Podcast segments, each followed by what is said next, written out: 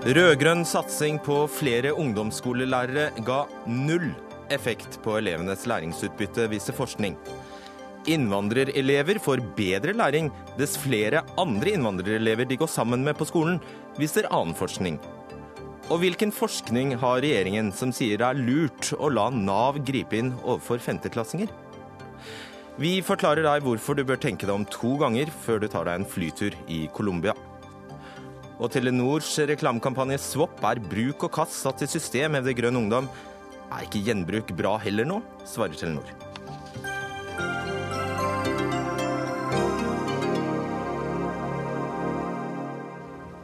Riktig god kveld og velkommen til Dagsnytt 18. Jeg heter Fredrik Solvang. Ja, Det skal gå en rød tråd gjennom de tre første debattene våre i kveld. I dag kom de nasjonale prøvene. For to dager siden kom TIMS-resultatene, og PISA-undersøkelsen kommer neste uke. Og vi skal forsøke å knuse to myter og forsøke å komme nærmere et svar på hva som egentlig gir bedre læring i skolen. Myte nummer én. Flere lærere gir bedre læringsutbytte. Høsten 2012 bevilget de rød-grønne 1,5 milliard kroner over fem år til 600 nye lærerstillinger på ungdomstrinnet. Dette førte til lavere gjennomsnittlig gruppestørrelse i ordinær undervisning, og selv om kunnskapsministeren først ville stanse evalueringen av denne satsingen, bør han nok kanskje være glad for at han nettopp ikke gjorde det, at han ble tvunget til å gå tilbake på det. For Lars Kirkebøen, forsker ved Statistisk sentralbyrå, hva har dere funnet? Vi finner jo altså at gruppestørrelsen, altså antall elever per lærer til stede i vanlig undervisning, faller ganske klart i disse skolene som fikk ekstra lærere, sammenligna med sammenlignbare skoler. Den faller fra ca. 21 til 18-19 elever, som en sånn to-tre elever per lærer. Vi finner derimot ingen tegn til at læringsutbyttet, dvs. Si eksamenskarakterene eller resultatene på nasjonale prøver, er bedret. Eh, vi mener også at vi har ganske presise resultater her. sånn at hvis det har vært positive effekter på eksamen eller nasjonale prøver, så må de være svært små. Eh, og det, de er så små at vi snakker om at kanskje går én av 17 elever opp én karakter? Det er en slags øvre grense. altså Vi finner ikke tegn til effekter, og det er omtrent den største effekten vi kan tenke oss, gitt de resultatene vi har så langt. Dette er foreløpige resultater, men de virker ganske tydelige for gjennomsnittlig læringsutbytte. Og bare forklar for oss, altså Disse pengene gikk til 166 klart definerte skoler i 98 kommuner. Hva kjennetegnet dem? De gikk til skoler som hadde svake resultater i utgangspunktet, grunnskolepoeng under gjennomsnittet, og som hadde lav lærertetthet, altså som hadde gruppestørrelse, antall elever per lærer i ordinær undervisning, sånn ca. over 20, ca. over gjennomsnittet eh, i norske skoler. Så det er sånn ca. en fjerdedel. Eh, så du kan dele skolene i fire. De som da har store grupper og svake resultater, de fikk, eh, de fikk ekstra ressurser. Mm. Og de er fordelt i alle landets kommuner? De er fordelt i 98 kommuner og på alle landets fylker. Eh, nettopp. Eh, så altså bare to ord om eh, altså Det var vilkår knyttet til disse pengene. Kunne ikke brukes på spesialundervisning f.eks. Måtte gå til helt ordinær undervisning. Utdanningsdirektoratet hadde en del føringer, men ikke veldig detaljerte føringer. Men hensikten var at dette skulle styrke den ordinære undervisningen. Og det stemmer bra med det vi finner, altså at gruppestørrelse i ordinær undervisning ser ut til å ha vært redusert omtrent så mye som vi skulle vente. Og Da strider det jo faktisk mot uh, sunn fornuft at dette ikke skal gi noen effekt på læringen. Det er lett å tenke at flere lærere burde bety mer, bedre resultater. Det er ikke noe entydig funn fra tidligere forskning at det gjør det. Eh, tidligere forskning på betydningen av antall lærere spriker en del, men den mest sammenlignbare forskningen, som bl.a. har sett på betydningen av klassestørrelse tidligere på, i ungdomsskolen i Norge, finner også ingen tegn til noen effekter av dette her. Marianne Aasen, stortingsrepresentant for Arbeiderpartiet. Hvor flau er du nå? Jeg er ikke flau i det hele tatt. Ja. Jeg syns dette er veldig interessant at vi har fått denne rapporten. Jeg er veldig glad for at vi har fått den, også særlig fordi at eh, statsråden ikke ville ha den. Vi trenger kunnskap eh, om norsk skole for å ta, treffe riktige beslutninger. Og det som jeg mener er vesentlig, er jo at dette er jo én. Den første av mange delrapporter som kommer om dette prosjektet. I, i desember 2018 kommer Ser vi helheten. Den her sier jo ingenting. Men du hørte også, som alle oss andre, hva han sa. altså ja. De mener dette er bastante funn. Ja, men det er jo ikke bare eksamensresultater eller resultater på nasjonale prøver som, er, som forteller om en skole er vellykka. Da, det sier ingenting om uh, hvor mange som fullfører. Drop-out er det største problemet i norsk skole. Vi vil ha færre som dropper ut av skolen. Det sier uh, ikke noe om lærernes arbeidsmiljø. Lærerflukt er en av de store problemene i norsk skole. Mange lærere slutter fordi de har et arbeidsmiljø og for mye arbeidsoppgaver. Du bevilger vel ikke flere penger til flere lærere for å hindre at flere lærere slutter? Vi bevilger penger til flere lærere sånn at de skal få en arbeidssituasjon som gjør at de står i jobben. At de faktisk blir der til de blir pensjonister og ikke slutter. Og det sier ingenting om skolemiljøet. Det sier ikke noe om mobbing, mobbingen, f.eks. Ingen innrømmelse altså om at dette har vært penger ut av vinduet? Nei, det er for tidlig å si. Ålreit. Henrik Asheim, stortingsrepresentant for Høyre, og vet du er her for å kunne si hva var det vi sa. Men som Marianne Aasen sier, denne evalueringen sier absolutt ingenting om hva det, altså, for det første sier den ingenting om alt det andre enn disse eksamensresultatene. Og for det andre det sier heller ingenting om hva som hadde skjedd hvis du hadde brukt én krone mer enn disse 1,5 milliardene, eller dobbelt så mye for den saks skyld. Nei da, det er helt riktig, og den, eh, det er noe greit, det. Men det som var regjeringens argumentasjon da de innførte det, og da mener jeg den rød-grønne regjeringen, var at dette var viktig for at elevene skulle lære mer. Så nå har man jo bare endret argumentasjon for å bruke da 1,5 milliard kroner inn i et tiltak i norsk skole som ser ut til å ikke ha hatt læringseffekt. Og så er det helt riktig som Marianne Aasen sier, man skal senere sjekke både klassemiljø og alle sånne ting. Det er forskning vi også kommer til å følge med interesse. Men faktum er at det er ganske nedslående for den rød-grønne regjeringen at prestisjeprosjektet, nemlig økt lærertetthet, skulle føre til mer læring. Nå viser seg at det hadde ingen læringseffekt. Faktum er jo også, altså Marianne Aasen påpeker, at vi hadde ikke engang visst resultatet hadde vært opp til dere. Nei, altså, er det jo, det var jo en glipp fra, fra kunnskapsministeren at de ikke skulle evaluere dette. Det ble jo en, en evaluering som er veldig interessant. fordi det som både eh, Arbeiderpartiet og SV har utfordret kunnskapsministeren på, er hva skal han gjøre hvis den viser at elevene lærte mer? Vel, nå kan vi snu det spørsmålet tilbake. Hva er konsekvensen for Arbeiderpartiet, som i sitt alternative budsjett argumenterer heftig for å videreføre disse 600 lærerne? Eh, nå som forskningen viser at elevene lærer ikke mer av dette tiltaket. Og bare husk på det at den halvannen milliarden kunne vi brukt på noe annet i skolen som kanskje hadde gitt mer læring.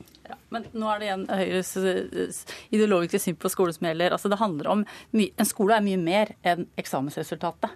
Eh, og det kan godt tenkes at hvis vi får frafallet ned, f.eks., så er jeg villig til å bruke 1,5 milliard på denne måten som vi har gjort. For det er et kjempestort tap for samfunnet og et stort problem i norsk skole at vi har for høyt frafall. Men da har Asheim rett i at du har endret argumentasjonen. argumentasjon?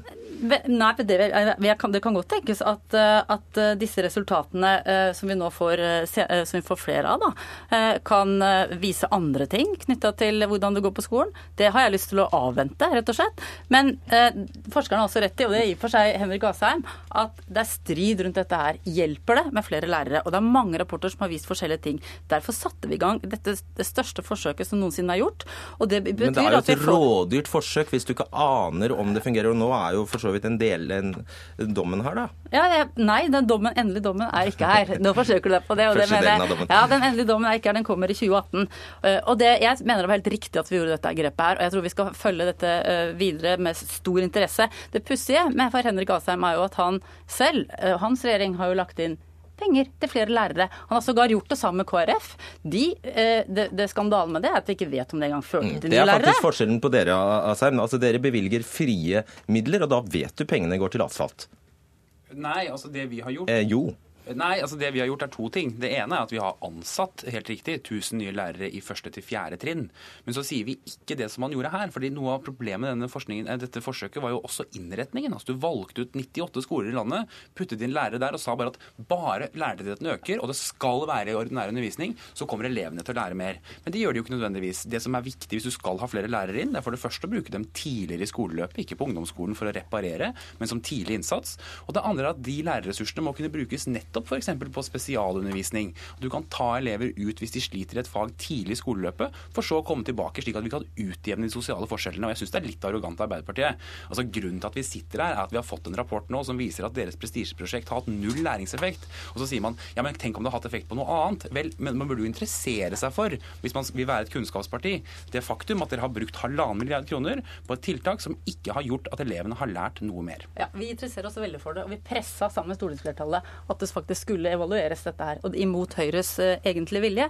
Hvorfor Høyre bruker penger på lærere i det hele tatt, kan man jo undre seg om. Det er antageligvis noe å smykke seg med hvis ikke dere tror på at det er effekt med flere lærere i skolen. Og så gjør dere det. Dere sier det, det bare teller i første og fjerde klasse, første til fjerde trinn. Der skal dere gjøre det. Det gjør vi også. Vi gjør det ikke bare på ungdomsskolen. Okay. Vi gjør det på første og fjerde trinn. Men i tillegg så har dere ikke sørga for at dette treffer. Fordi eh, programlederen har jo helt rett i. Kommunene kan jo bruke penger til hva de vil, og så kan de si opp lærere, og så bruke de pengene som det du snakker om. Så det er lite treffsikkert. Også mulig at du innkasserer seieren altfor uh, tidlig. Det er jo uh, veldig mye annet som skal altså Det påpeker jo forskerne her, at uh, dette er bare første fase. og man skal undersøke nærmere. Absolutt, og jeg skal ikke ta alle disse rapportene på forskudd, men én rapport har vi fått, og den viste at flere lærere og høyere lærertetthet i ungdomsskolen ikke førte til økt læring. Og da kanskje vi skal bruke ressursene på en smartere måte, og i hvert fall rette lærerressursene inn på en bedre måte som tilpasser undervisningen for de som sliter. Men det jeg ikke begriper med, med Høyre, er det skader vel heller ikke?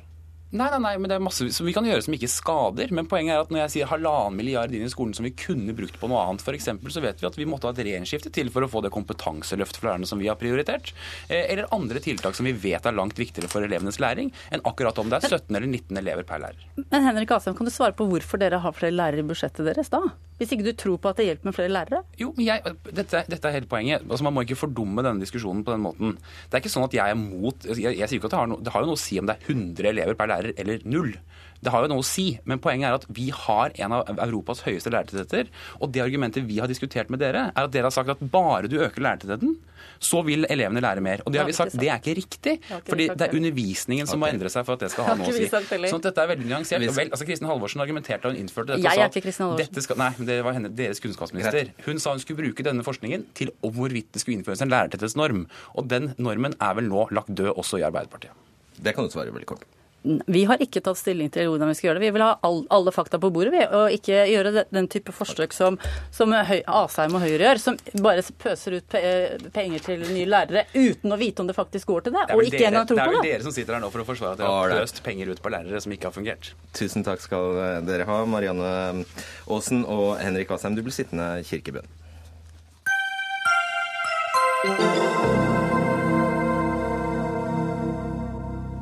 Da tar vi for oss myte nummer to. Det er negativt for læringen til eh, både hvite norske elever og innvandrerelever å gå i klasser eller skoler med veldig høy innvandrerandel. Det er vel sånn grovt sagt det vi, eh, de fleste av oss tenker. Men Gunn Elisabeth Birkelund, du er professor ved Institutt for sosiologi og samfunnsgeografi ved Universitetet i Oslo. Det er ikke nødvendigvis slik. Hva har du funnet i din forskning?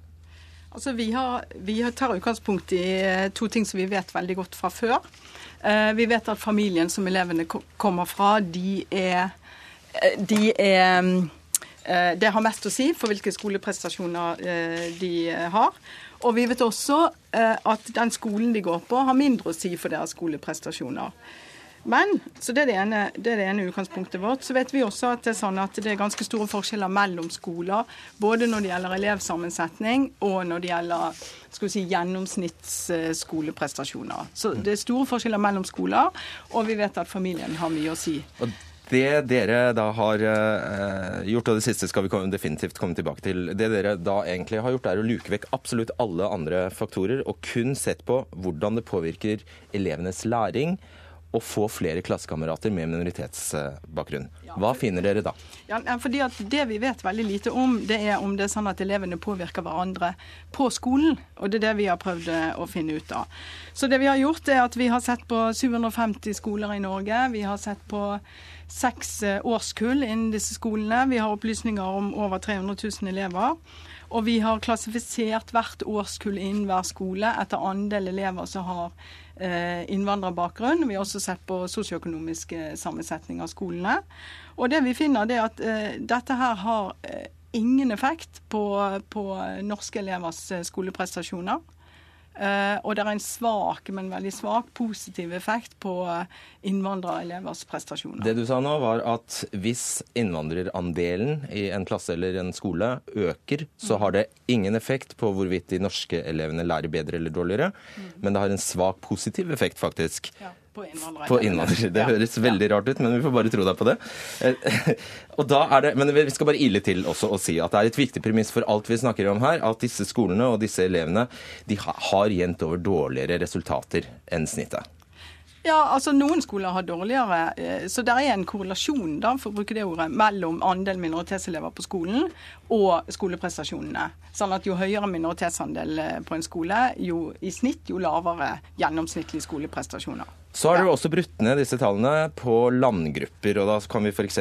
snakke om Vest-Europa, Øst-Europa, eh, Sørøst-Asia, Øvrige Asia, Nord-Afrika, mm. Midtøsten, eh, Latin-Amerika osv. Ja. Eh, la oss ta et eksempel. Hvordan påvirker det de andre elevene? Hvordan påvirkes de av elever fra eh, eh, land som eh, presterer bedre. La oss si f.eks. Vietnam er, eh, har, mange vietnamesiske elever gjør det statistisk bedre enn mange andre. Hvordan påvirker de de andre elevene? Ja, nå er det sånn at Vi har litt få, har litt få personer fra enkeltland, så vi har gruppert vietnameserne sammen med andre eh, asiatiske land.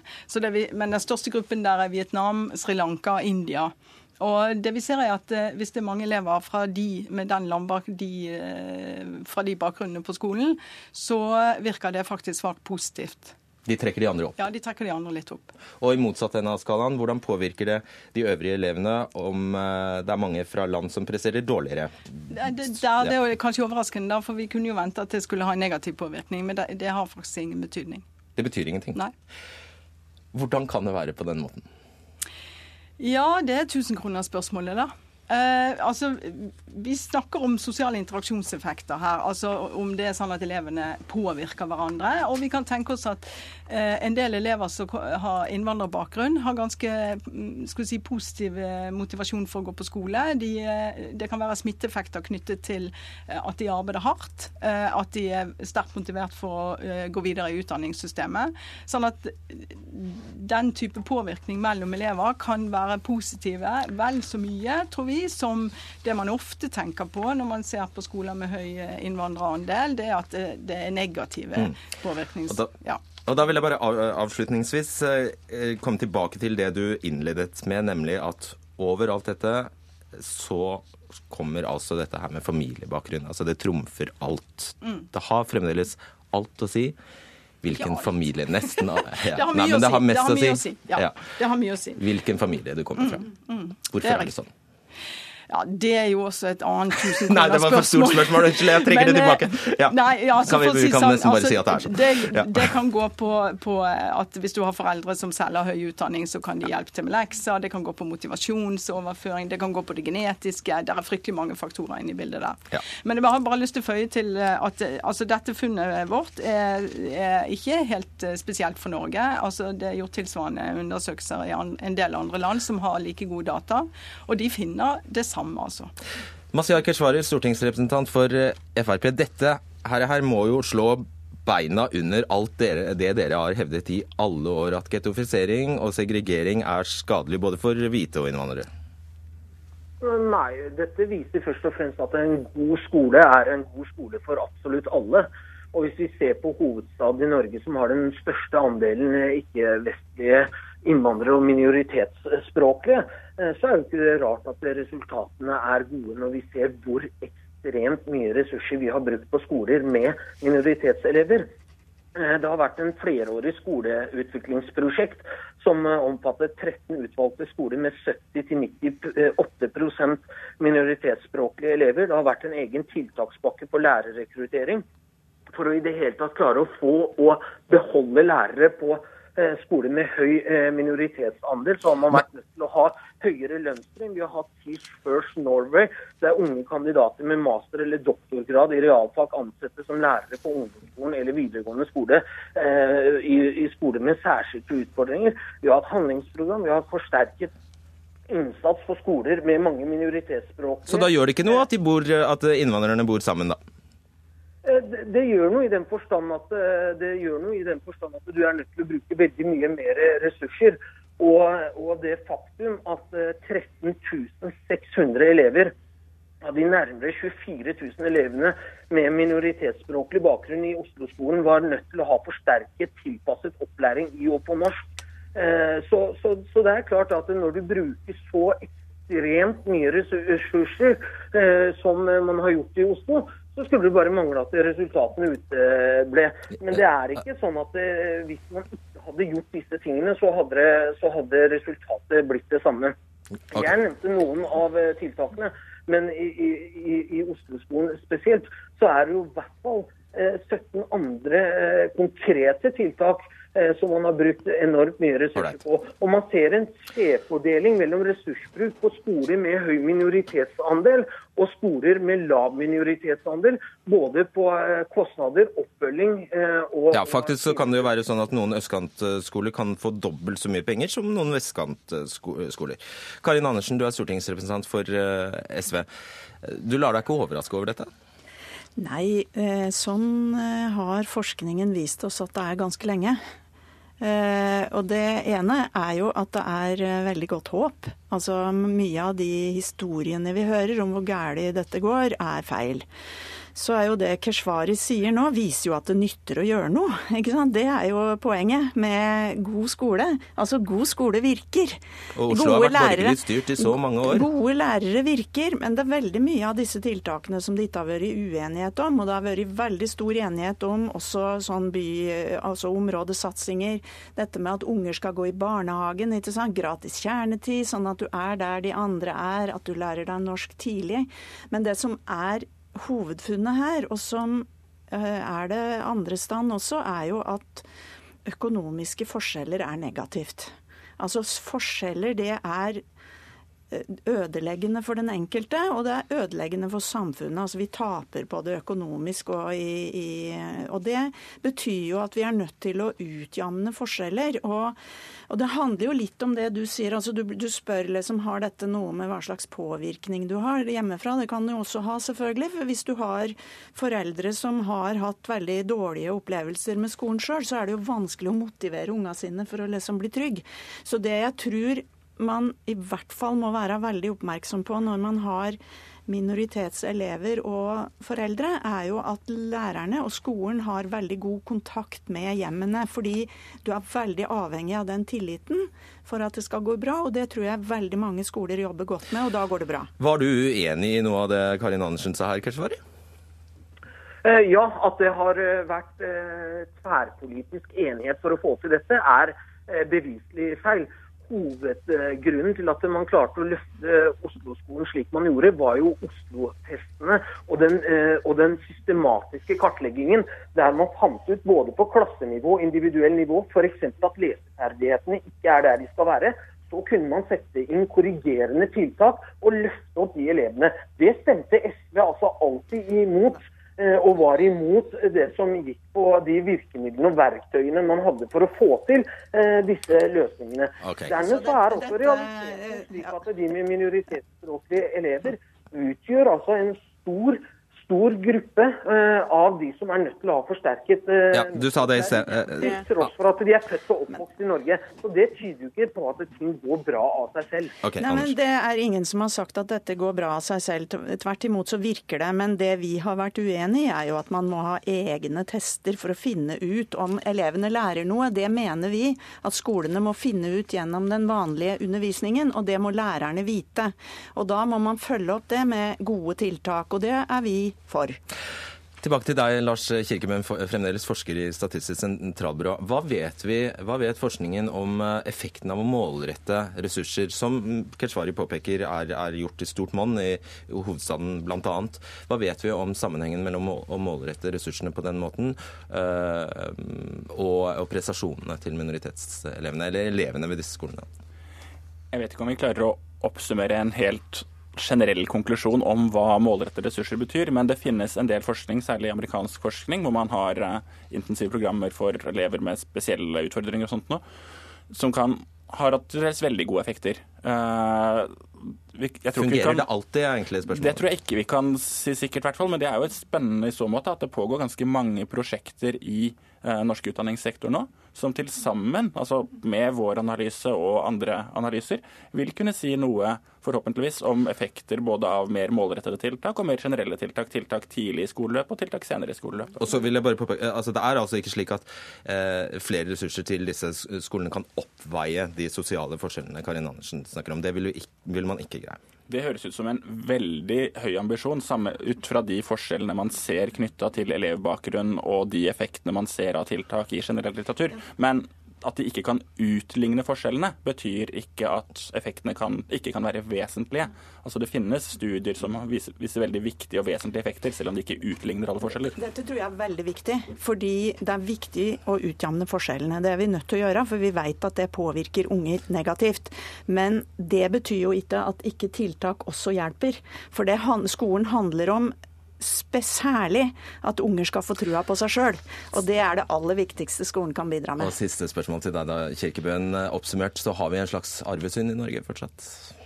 Jeg vet ikke om det er en god måte å beskrive det på, men det er i hvert fall forskjeller mellom elevene i forutsetningene de har med seg til skolen. Det virker ganske klart. Også og det er det også spiller mye en stor som, rolle. Det spiller en stor rolle for resultatene, men det er mye som tyder på at det er forskjeller mellom kommuner og skoler i hva elevene oppnår også. At det kanskje spiller en mindre rolle, men likevel kan være viktig for hva elevene får med seg videre. Hjertelig takk skal dere ha. Gunn Elisabeth Birkelund, eh, Masiar Keshvari, Karin eh, Andersen. Og eh, du blir igjen sittende, Kirkebø.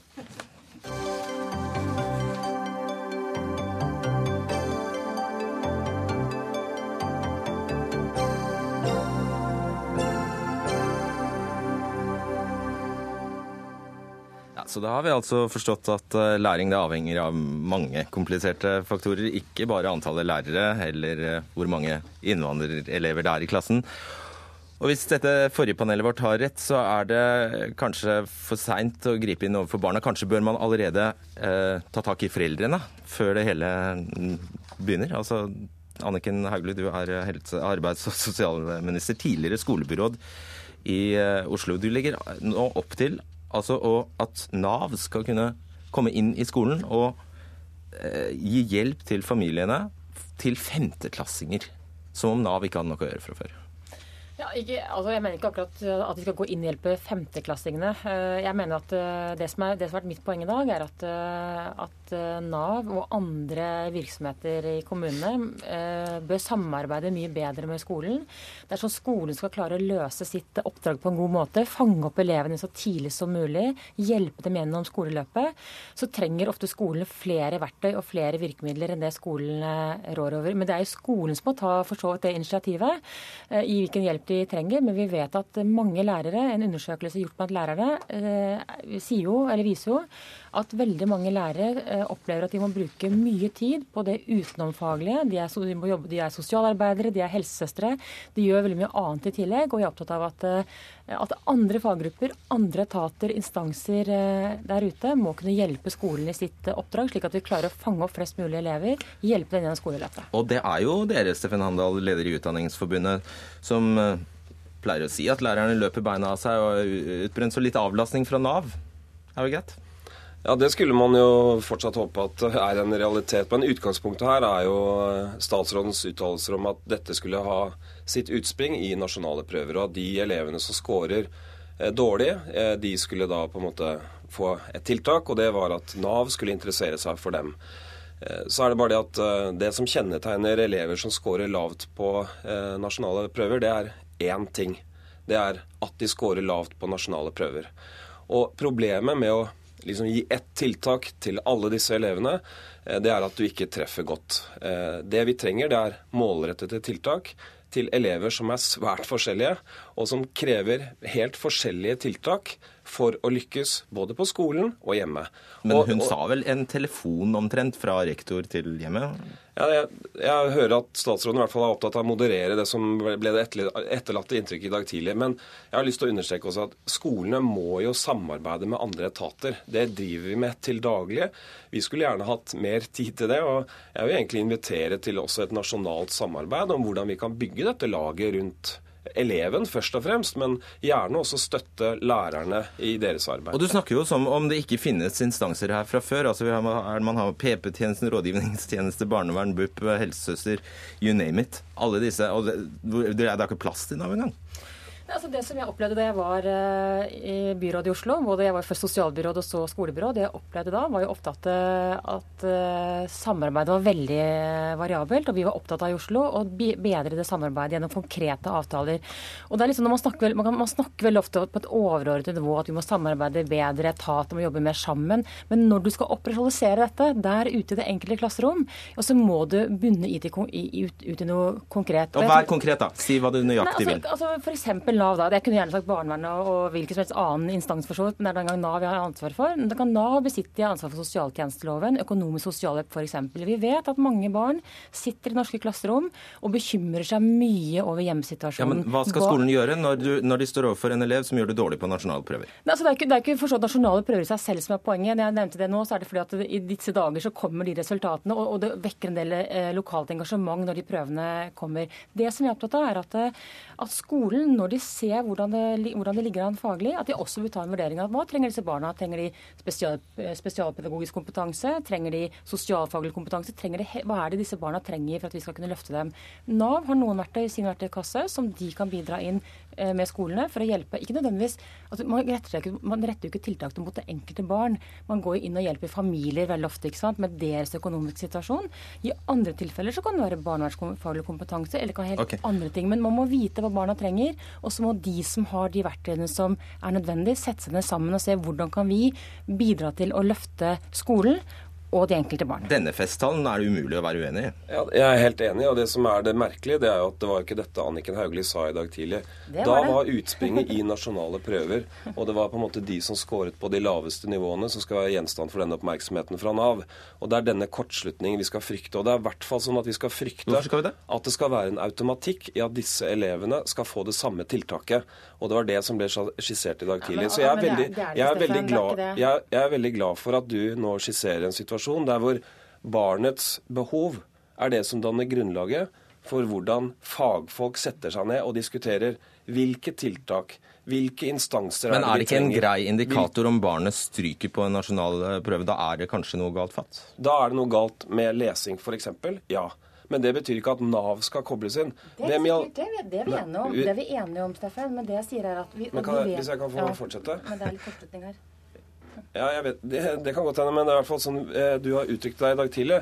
Eh, så fikk man inntrykk av at hvis man sleit i lesing eller andre ting når det gjaldt nasjonale prøver, så skulle også Nav kobles inn som en, eh, som en slags La oss bare avklare, Modererer du deg nå? Nei, nei men, det, men, det, vi altså når, jeg nevner, når, jeg, når, jeg, når, jeg tar, når jeg tar ut de nasjonale prøver, så er det fordi i disse dager så kommer nasjonale prøver, og det skapes stort engasjement. Ja, Men det er det du har fått kjeft for òg, da. Ja, ja, men det er nå så. Men, men, men, ja, jeg står for det. Men det vi vet, det er jo at de som scorer lavt har jo økt risiko for å falle fra senere også. og Derfor er det jo viktig at man fanger opp barn tidlig, ikke bare på nasjonale prøver, men vi vet at, vi vet at på ungdomstrinnet, de som er, eh, har under tre i snitt, på ungdomstrinnet har 20% større sannsynlighet for å havne i Nav senere. Det er viktig at vi klarer å fange opp elever tidlig, slik at man unngår å falle fra enkeltfag og dermed droppe ut av skolen. og Det er et felles ansvar å bidra til det. Eh, jeg vil ikke underslå at det er en sammenheng her, men du kan altså ikke gå fra det til å legge fram en sånn deterministisk holdning om at de barna her kommer til å ende opp som trygdemottakere. Ja, det er det, det, men sannsynligheten øker.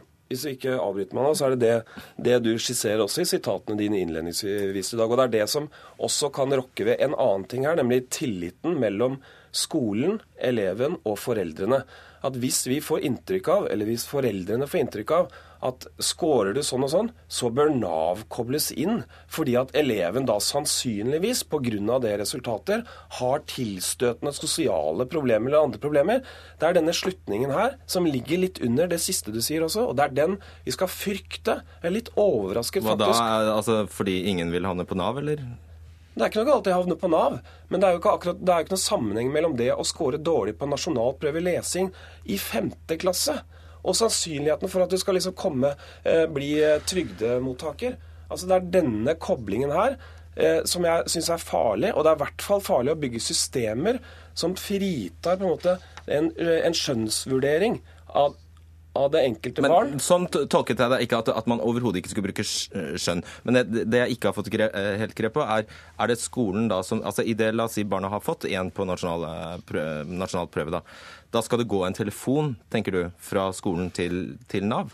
Nei, altså det jeg mener er at eh, når man, se, når man nå ser på uh, resultatene til elevene, og man bør ikke ta utgangspunkt i nasjonale prøver heller, så er jeg opptatt av at uh, skolen må få en oversikt over hvilke behov er det de har, altså hva slags kompetanse er det de trenger. Men sånn trodde jeg det var i dag. Treng, ja, det tror jeg varierer veldig. Og at Nav og de andre instansene som da er ute i kommunene, er på tilbudssiden overfor skolen. At, man, at, flere engasjerer seg i skolen, mener jeg er viktig. Og når man snakker om å bygge lag rundt læreren, eller snakker, snakker om å bygge lag rundt eleven, så må det handle nettopp det. Hvordan kan vi klare å koble på de ulike faggruppene, de ulike tjenestene, okay, ja. for å nettopp øh, øh, gjøre bedre jobb overfor elevene og styrke skolen. Ja, jeg må bare understreke at Nå forlater altså statsråden både dette at nasjonale prøver skulle være utgangspunktet, vi forlater standpunktet om at det er Nav som skal ta kontakt. Og vi forlater også standpunktet om at det bør være en slags automatikk her. Og da, da, Hvis jeg kan få fullføre Hvis jeg kan få fullføre resonnementet, da beskriver du Da ender du opp i den situasjonen som er mitt standpunkt, og som er, faktisk er dagens situasjon. Og så skal vi jobbe sammen for å sikre at disse systemene som vi i dag har, kan fungere enda bedre. Det Alright. tror jeg vi har en felles situasjon. Bare avklar det med feilsitatet der. Ja, jeg, jeg, jeg, siterer så feil. Jeg sa, jeg sa veldig klart og tydelig på NRK i dag at hvem som tar kontakt med hvem, det skal ikke jeg blande meg bort til. Mitt, mitt utgangspunkt er at eh, etater og instanser, fagfolk må samarbeide bedre, slik at vi klarer å løfte elevene bedre, og skolen klarer å fullføre sitt, Oppfordre Nav til å engasjere seg, står det her. Men hvem som ringer hvem, det skal jeg ikke, det skal ikke blande meg bort til, sa jeg også helt tydelig. Lars Kirkebøen, for siste gang forsker i Statistisk sentralbyrå. Det nye Bøss Ordet er jo tidlig eh, innsats. Hva vet vi fra forskningen om hvor fornuftig det er å gripe inn tidlig? Fra norsk forskning så har vi jo lite tidlig innsats vi kan følge på lang sikt og se hvordan det skjer. Det finnes noe internasjonal forskning, særlig fra USA, hvor man har tatt tak i elever med eh, eller barn med vanskelig hjemmebakgrunn og sånt nå, og hatt til dels ganske intensive programmer, og hvor dette har hatt til dels kjempestore effekter, positive effekter på, det, det, på lang sikt. Nå er det også omdiskutert. Og det er ikke alle forskere som mener at tidlig innsats er det saliggjørende nødvendigvis. Og det vil jo også uansett være en Vi snakket om betydningen av familiebakgrunn og at vi ikke klarer å utligne alle forskjeller. Det vil være elever som har utfordringer senere i skoleløpet også, så jeg tror ikke tidlig innsats kan eliminere behovet for en form for senere innsats også. Men potensialet for tidlig innsats kan nok i beste fall være veldig veldig stort. Kan det være skadepotensial òg? Det har jeg ikke noe grunnlag for å si noe om. Jeg har ikke hørt noe om det. Jeg ser det, ja, Alle tripper her jeg å si noe, men jeg får ikke lov. Takk skal dere ha. Ikke minst til deg, Lars Kirkemund, vår gjennomgangsfigur, og Anniken Hauglie, Steffen Handal.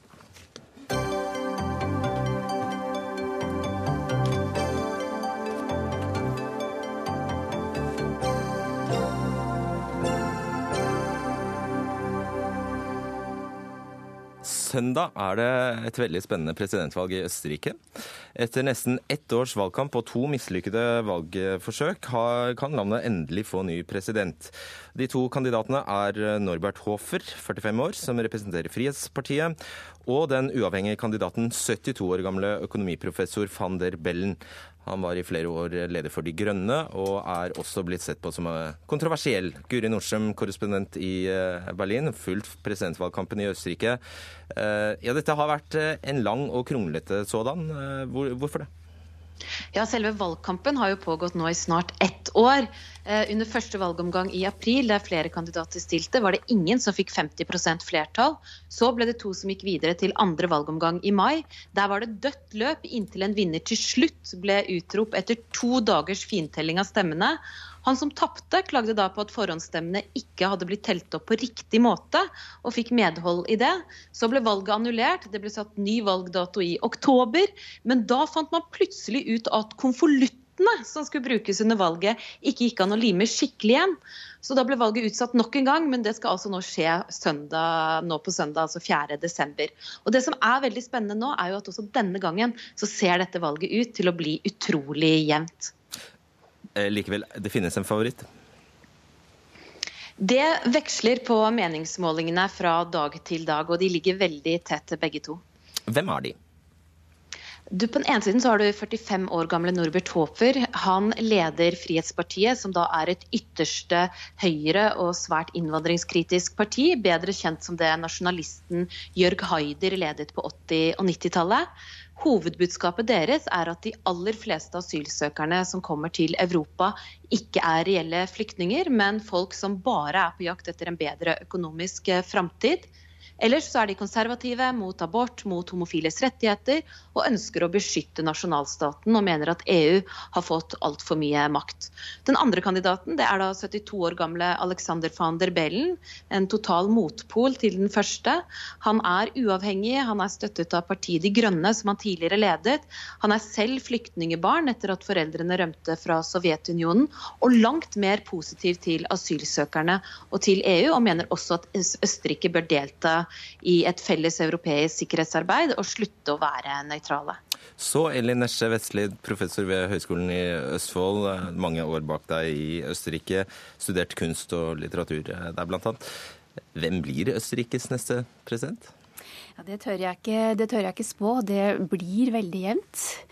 Og vi vet jo ikke om resultatet kommer til å foreligge på, på, søndag kveld, eller vi må vente til mandag, eller kanskje til og med til tirsdag hvis det blir ekstremt knapt. Hvordan vurderer du de to? Eh, Alexander van Bellen er jo en som kommer fra De grønne, men som også har, har i denne valgkampen posisjonert seg veldig langt mot midten. Ehm, han har ikke minst i forhold til en ehm, eventuell øksit, som Norbert Hofa eh, ehm, ja, gjorde seg til talsperson for en tid, men så rodde han tilbake. En utgang av EU ja, for Østerrike? For, for, østerrikerne er i utgangspunktet innstilt på å forbli i, i EU. Uh, og jeg syns det har vært interessant å se hvordan van de Bellen da faktisk har nå fått støtte fra enormt mange næringslivstopper, som da støtter hans kandidatur offentlig. Ehm, Norbert Hofer på den andre siden er jo da det man ofte kaller det vennlige FPØ-ansiktet, den vennlige personen i Frihetspartiet som, oppstår, som framstår som en veldig ja, jovial og trivelig person. Det kan jo også hende han er, selvfølgelig. Men noe som også eh, har ført til at eh, de mest ekstreme budskapene til Frihetspartiet da ikke alltid har blitt framført av han, men av partilederen, som er Strache, som da har benytta dette spillerommet han nå har som partileder. Hva slags parti er det? Bare minn oss kort om. Altså, dette, er, eh, de, dette partiet har altså Dette er ikke noe nytt, uh, nytt parti. Nei, det ble stiftet nei. i 1955, faktisk. Ja. Uh, og har en Er det riktig å si at de har en nazifortid? Altså, En del av de tidlige, de som stifta partiet, hadde, var gamle nazister, for å si det på den måten. Og det er mange i partiet som har eh, svært eh, høyreekstreme meninger. Men partiet favner nok også bredere, sånn at det er, eh, det er et parti med, med, med, mange ulike grupperinger, og som også faktisk sitter i delstatsregjeringer på, altså på lokalt, lokalt nivå. Og programmessig, eller i eh, partiprogrammet, så, det, så kan man ikke stemple dem nazistisk, formoder jeg. Jeg syns det ville være litt eh, å ta i litt, mm. litt, for mye. Men så henger dette sammen med at Østerrike aldri tok noen opp, oppgjør med nazifortiden? Jeg er ikke helt enig i å si det så kategorisk som, som, du gjør der. De har ikke tatt et oppgjør på samme linje som Tyskland, men Tyskland har jo gjort dette ekstremt, ekstremt grundig. Men det er jo ikke sånn at man ikke har historieundervisning i Østerrike. Det er ikke sånn at østerrikske skolebarn ikke uh, kommer til um, altså minnesmerker over uh, eh, f.eks. jødeforfølgelsene. Sånn at jeg vil jo si at Østerrike på mange måter har tatt et oppgjør med sitt fortid, selv om det ikke har vært så gjennomgripende som, som, i Tyskland. Men det er klart, i den politiske situasjonen som Europa er i nå, så har uh, Frihetspartiet fått, uh, vil jeg si, lett match, egentlig, i forhold til flyktningkrisen.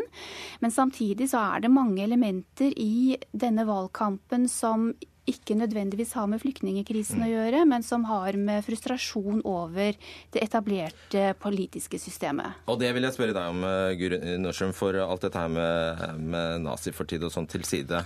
Altså, De surfer vel på en gener helt generell bølge vi ser i Europa om antietablissement, antieliter osv.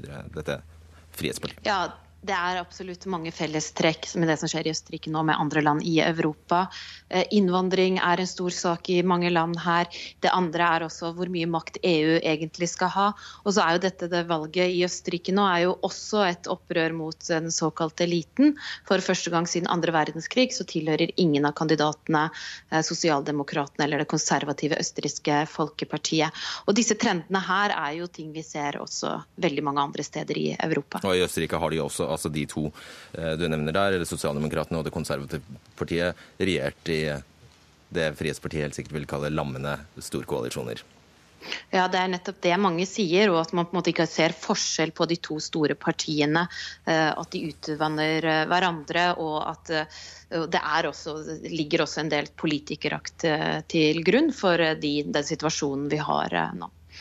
Og helt til slutt, Vestli, EU e kommer til å, hvordan vil EU reagere hvis for da kan Østerrike få sin første høyre, være det første landet som, som gir Europa en, en høyre radikal president? Det blir nok ikke stor begeistring, og f.eks. Ikke, definitivt ikke i, i, i, Tyskland. Men jeg tror at dersom det ikke skjer dramatiske ting i Europa, så sitter en øksit ekstremt langt inne. Og det er nok ikke det som vil være min, min første bekymring, men kanskje heller hvordan den som da til syvende og sist blir president, nå skal klare å bygge bro over til den andre leiren. Takk skal dere ha. Ja, Det er jo en generell utfordring politikerne ser ut til å ha nå til dags. Takk Guri Nordstrøm og Elin Nesje Vestli.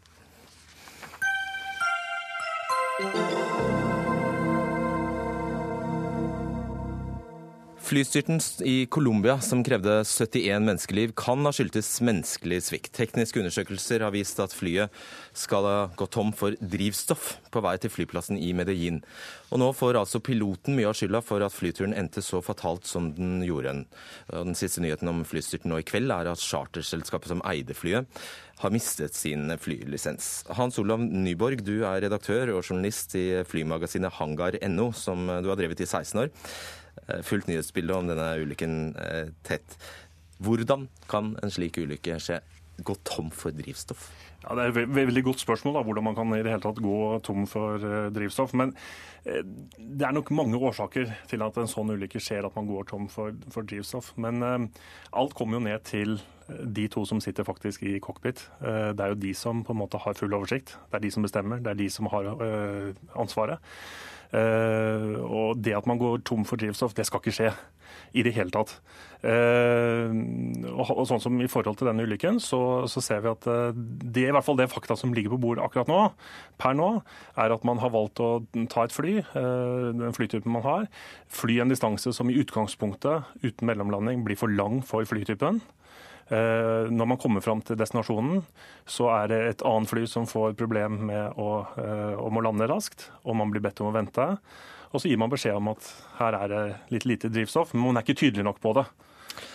Uff. Uh, la oss hoppe til uh, altså, Er det tilfeldig at dette skjer i Colombia?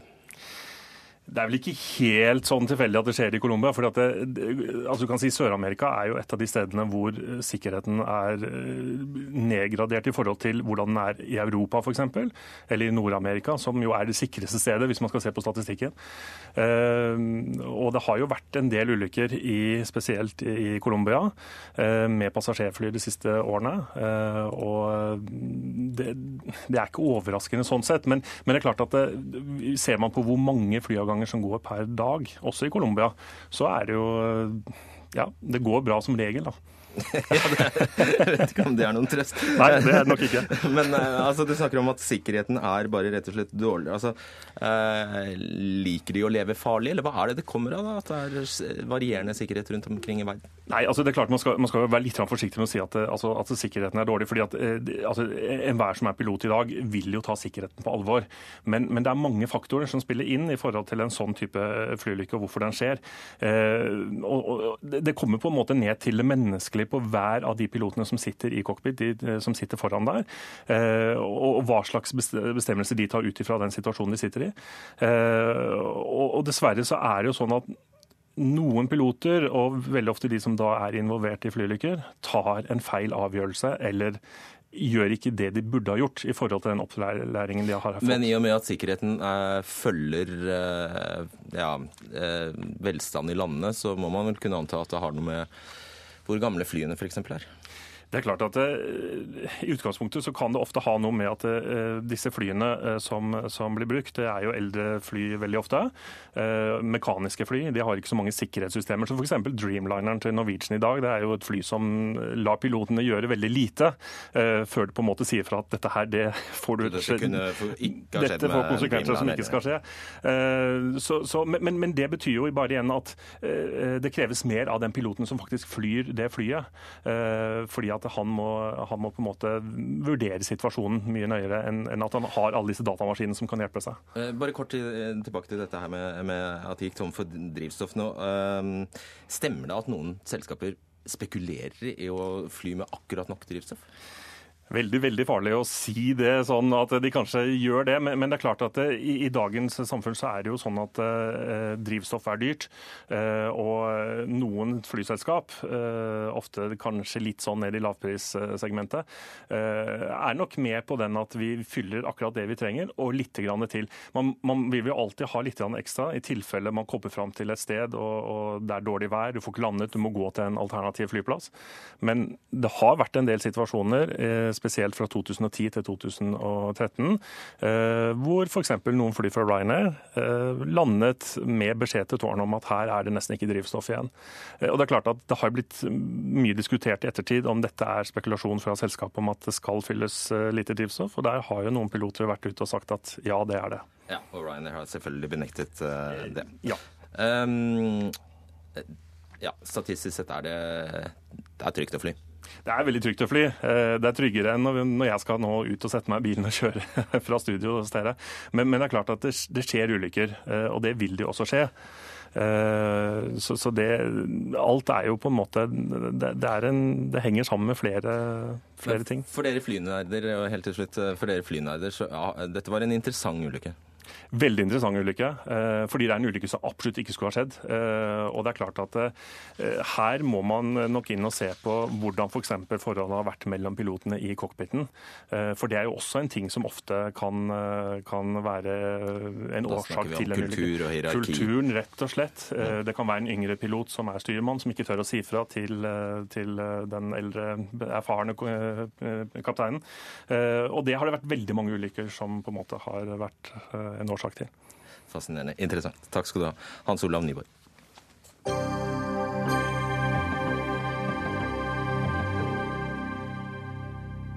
I dag er det 50 år siden de første mobiltelefonene ble tatt i bruk i Norge. Grønn Ungdom reagerer på Telenors kampanje 'Bytt til ny mobil hvert år'. Mobilselskapet tilbyr kundene en abonnementsordning som de kaller swap. Og I praksis betyr det at du betaler ned telefonen over to år og får muligheten til å bytte til en ny modell etter bare ett år. Lagenes talsperson for uh, Grønn Ungdom og førstekandidat til Stortinget for uh, Miljøpartiet De Grønne i Møre og Romsdal. Hva er galt med den kampanjen? Vi er nå i en situasjon der nordmenn har et materielt forbruk som hvis alle andre i verden skulle være på det nivået, så hadde vi trengt nesten tre jordkloder. Og da får jeg liksom kakaoen litt i halsen når jeg ser at Telenor kommer på TV-en min og sier til meg eh, bytt mobil hvert år, eh, du trenger en ny mobil hvert år. Nei, den mobilen jeg har fungerer helt brillefint. Hvorfor skal jeg kjøpe en ny før den gamle ikke fungerer? Og jeg mener at det har to, eh, eller tre negative konsekvenser. Det ene er miljøaspektet. Hver ny mobil som du produserer, gir ca. 85 kg gruveavfall. Og nordmenn kjøper allerede to millioner mobiler i året. Skal vi da øke den frekvensen? Og så er det kjøpepressaspektet. At i skolegårder så er det unger som allerede føler på at de ikke er kule for de ikke har den nyeste. Og så kommer Telenor og sier ja, men kjøp den nyeste, det kan du gjøre. Og ja. Skjønner. Bjørn, Ola, Bjørn Ivar Moen, leder i mobildivisjonen i Telenor eh, Norge. Bra for deg og bra for miljøet etter i denne kampanjen. Her får du jo eh, såpass påskrevet. Ja, nå vil jeg gjerne si at jeg syns det er bra at vi får en miljødebatt. Det trenger vi innenfor dette området som mange andre. Men jeg syns det blir å snu den litt på hodet. Fordi vi vet jo at vi i ganske liten grad påvirker hvor ofte kundene bytter og kjøper mobiltelefon. Det som dette programmet gjør, det er jo at det treffer de som da faktisk bytter ofte. Det gir dem en ryddig måte å kunne levere inn telefonen på, og den kan brukes i andre land. Så dette er jo egentlig helt motsatt. Det gjør at vi faktisk tar bedre vare på miljøet, fordi telefonene får et lengre liv i andre markeder etter at de har vært byttet til gjennom dette programmet. Tror du virkelig ikke at du oppmuntrer noen til å bytte oftere? Eh, Vi vet at det i ganske liten grad påvirker byttemønsteret til kundene. Vi har en erfaring fra dette et tilsvarende program i Sverige, og byttefrekvensen til kundene endrer seg i ganske liten grad. Og når ble det gærent å bytte? Er ikke det grønt? Altså, byt, uh, Altså, hvis vi altså Disse telefonene kommer jo til bruk. Ja, Nei, men det, det er en vanlig misforståelse det at gjenbruk på en måte per definisjon er, eh, er miljøvennlig. Det aller mest miljøvennlige man gjør, det er at man uh, tar vare på det man har, reparerer det man har, sånn at man unngår å kjøpe nytt. Det dette programmet legger opp til derimot, er at man oppfordrer til at man skal kjøpe nytt eh, hvert år, eh, og så skal det liksom eh, forsvares med at man gir det videre til eh, folk i andre land. Hvis folk likevel gjør det, da? Hvis folk likevel kjøper nytt hvert år? Ja, Det håper jo kanskje at vi kan prøve å motvirke, enten ved at vi f.eks. lager bedre krav til holdbarhet. Da er det bedre at de kaster den enn at de leverer, leverer den inn? Nei, nei, det er selvfølgelig bra at de leverer den inn, men poenget er at ja, jeg vet ikke hvilke garantier har vi f.eks. For, for dem som får mobilen i disse her andre landene, at de leverer den inn når, de har brukt den ferdig, da? Eller, eh, altså, jeg mener, Det er ikke sikkert at de har så gode ordninger for, for gjenvinning på Har Har dere satt opp har. et program i Afrika, Moen? Eh, Nei, men det, det problemet forandrer seg egentlig ikke som følge av det. Fordi det vi gjør, er at vi samler inn telefonene, tar dem imot, sørger for at de blir pusset opp, sender de til andre markeder. Og det kan være i Europa for den del. Eh, Og så kjøper jo da kunden i det landet den telefonen istedenfor en annen antagelig ny telefon. Fordi flere får en moderne telefon isteden. Og så vil det være opp til det landet hvordan de har håndtert akkurat den miljøutfordringen. Men den forandrer seg ikke. Det som er et poeng, da, synes jeg, det er at eh, det er jo flere ting rundt mobiltelefoner. Og én ting er at vi da tar imot de som, for de som bytter ofte. Men nordmenn, nordmenn har jo fryktelig mange mobiltelefoner i skuffer og skap. Fordi de fleste telefonene i Norge de resirkuleres aldri. 90% av alle telefonene gjøres det aldri noe med. De havner i skuffer og skap og kastes. Og hvis vi regner riktig, så ligger det noe sånn som 8-9 millioner telefoner i skuffer og skap i Norge. Og de, har, eh, miljø, de er miljøavfall, og de har verdifulle komponenter i seg. Det må vi jo prøve å resirkulere. Swap er et bidrag i å gjøre den prosessen ryddigere. Og så må vi jo prøve å resirkulere de andre som er i skapene. På hvilken måte er Swap et bidrag til at man eh, resirkulerer de telefonene som allerede ligger i skap? Har du en garanti for at de nye telefonene du får gjennom Swap er lagd av resirkulert materiale? For hvis ikke, så bidrar jo også dem til økt produksjon. Og så synes jo det er litt pussig at hvis dere på en måte uansett ikke tror at folk kommer til å bytte oftere, at dere markedsfører det her som liksom drømmegaven til jul, at du kan bytte hvert år. Da burde dere jo endre eh, reklamen til å si sånn Hvis du tilfeldigvis trenger å bytte telefon hvert år, som vi håper du ikke trenger fordi at det øker miljøbelastningen, da kan du kjøpe Swap. Det er tips til markedsføringsavdelingen. Nå tror jeg ikke den reklamen funker helt Nei, sånn. den hadde ikke funket Den er litt vanskelig, tror jeg. Det treffer de som bytter ofte uansett. Er sånn, den, sånn er det markedsuttrykket, og sånn fungerer det. Um, og så er det jo sånn at uh, vi tar jo med dette programmet isolert sett ikke og løser det at det er mange telefoner i skuffer og skap. Men det reduserer inngangen til alle de skuffene og skapene, fordi deler av de telefonene forsvinner et annet lyst til å komme inn på et, et litt annet aspekt her. Altså, dere hevder at dere verken tar renter eller andre gebyrer for eh, såp, bare en fast lav månedspris, sier markedsføringen. Men ifølge Forbrukerombudet eh, så er dette feil. En iPhone 6 er 13 dyrere dersom den kjøpes gjennom eh, månedlige avdrag enn dersom den kjøpes kontant. Men det, dette har vi mye dialog med Forbrukerombudet om, og vi har svart på de spørsmålene de har hatt. Det vi gjør, er at vi lekker inn andre ting i det programmet. Bl.a. forsikring, som ikke er inkludert når du kjøper en telefon til Typisk triks. Vanlig triks. Ja, men forsikring har jo en verdi. Eh, Vi nordmenn skader noe sånn som 900 000 telefoner i året. Det at eh, den eh, kan eh, repareres, det har en åpenbar kundeverdi. Det er en sunn, god verdi som legges inn i programmet. Og det gjør at den forskjellen blir litt, grann- kommer ut sånn. Ja, en siste ting som jeg bare lurer på da, for jeg kom ikke på, inn på, det første altså det tredje poenget, det er at holdbarheten til telefonene i dag opplever jeg blir dårligere og dårligere. En vanlig smarttelefon varer bare sånn to-tre år. Eh, Jeg hadde min gamle telefon i fem år, og jeg syns det var litt for lite. Jeg ønsker meg at vi har et samfunn der det å produsere holdbare produkter blir en verdi i seg sjøl. Og jeg tror Swap bidrar negativt i så måte, fordi at man legger opp til at folk i rike markeder skal bytte oftere. Eh, Og da, hvor er insentivet til produsentene da til å sørge for at, at de telefonene faktisk varer utover det ene året der folk da uansett bare kan Ok, bytte? svar på det. Swap kan påvirke Apple og Samsung. Ja, altså, Swap er med på å forlenge levetiden til telefonen. Det gjør det faktisk. Og det at den kan brukes lenger, er jo en fordel. Jeg kan ikke skjønne annet. Vi setter OK, der ble stille. Det er en fin, fin punktum. Takk skal dere ha. Lage Nøst og Bjørn Ivar Moen. Denne Dagsnytt 18-sendingen er der ved, ved veis ende. Det var Fredrik Lauritzen som var vaktsjef i dag. Finn Liv var i teknikken. Og jeg heter Fredrik Solvang. Og vi ønsker god kveld.